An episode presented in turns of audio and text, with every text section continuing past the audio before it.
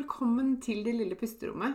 Dette er podkasten som vil hjelpe deg til å skape små pusterom, finne ro og være mer til stede i hverdagen din. Jeg heter Maren Kvalvåg Toven. Jeg er barnevernspedagog, familieterapeut og eniagramcoach. Jeg er mamma til to, gift og gründer av Det lille pusterommet. Og jeg har selv kjent på langvarig stress og har vært utbrent. Jeg brenner for å hjelpe deg ut av stress og utbrenthet og vise deg hvordan du kan finne ro selv om det er travelt rundt deg.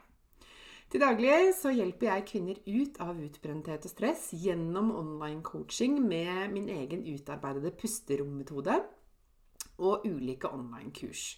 Du vil høre meg reklamere for mine tjenester i denne podkasten. Du vil også i denne podkasten få mine tips, triks og inspirasjon til hvordan du kan skape dine pusterom i hverdagen. Jeg kommer også til å dele egne erfaringer og invitere spennende gjester på besøk. Mer om meg og det jeg kan hjelpe deg med, det kan du lese om på delillepusterommet.no. Det er veldig gøy om du deler at du hører på Det lille pusterommet i sosiale medier, og tagger meg, så jeg kan si hei til deg. Jeg heter Marin Kvalvåg Toven både på Facebook og på Instagram. Her kommer dagens episode. Hei, og velkommen tilbake. Så hyggelig at du hører, til, eh, hører på eh, det lille pusterommet. Det syns jeg er så fint. Eh, og denne uka så hadde jeg lyst til å, å snakke om noe som, et tema som jeg ser ganske ofte hos, hos coachingkundene mine.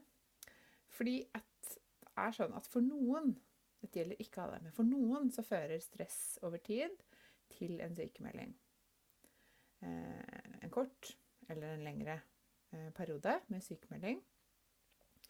Og veldig mange opplever også at dette skjer flere ganger eh, før, kommer, før, jeg møter dem, for å si det sånn. da. Eh, jeg har møtt veldig mange i den situasjonen som, eh, som er sykemeldt, har vært sykemeldt, vært flere ganger kanskje, eller er redd for å bli det igjen, eller ja.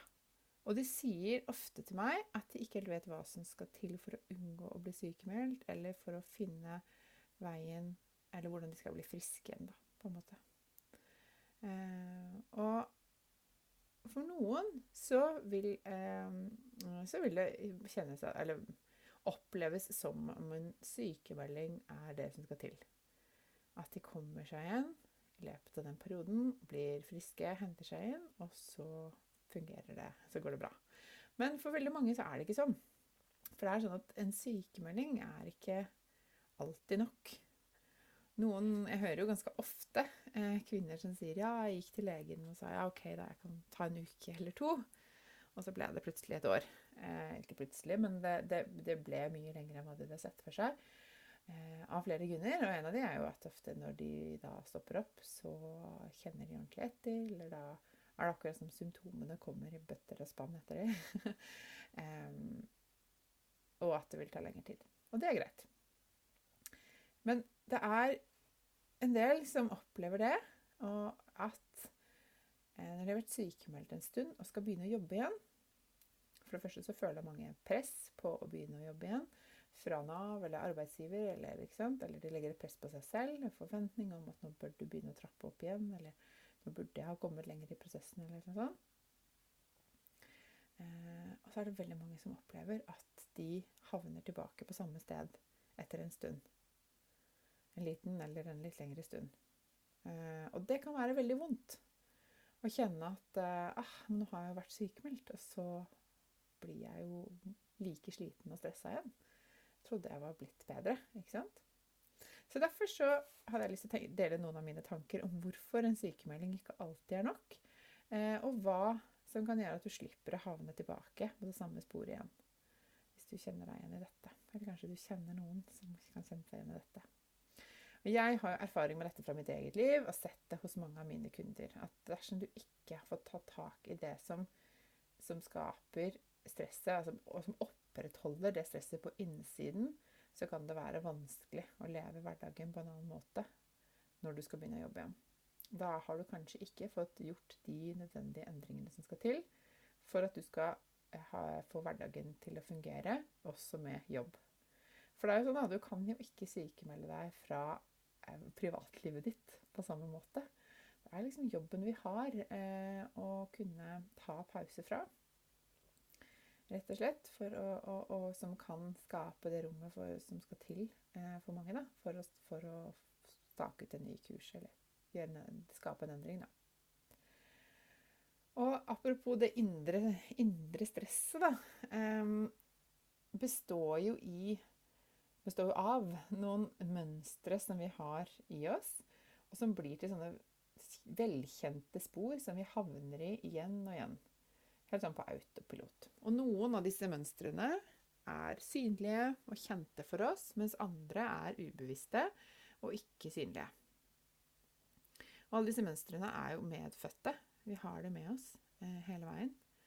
Og jeg er jo, som du kanskje har fått med deg, veldig fan av hvordan eniagrammet kan vise oss både de synlige, men også de ubevisste mønstrene i oss. Og at vi oppdager også hvilken drivkraft som opprettholder disse mønstrene. Og som kan gjøre oss slitne og stressa. Jeg har kunder som kommer til meg og sier at jeg, jeg er liksom sliten av meg selv. Jeg er sliten av måten jeg lever livet mitt på. Jeg vil ha en endring. Eh, for når vi ikke er bevisst på hva som skjer, og hvordan dette påvirker oss, så, eh, så skapes det Eller så, syr vi det samme igjen og igjen. Og så blir vi stressa og slitne av det, rett og slett.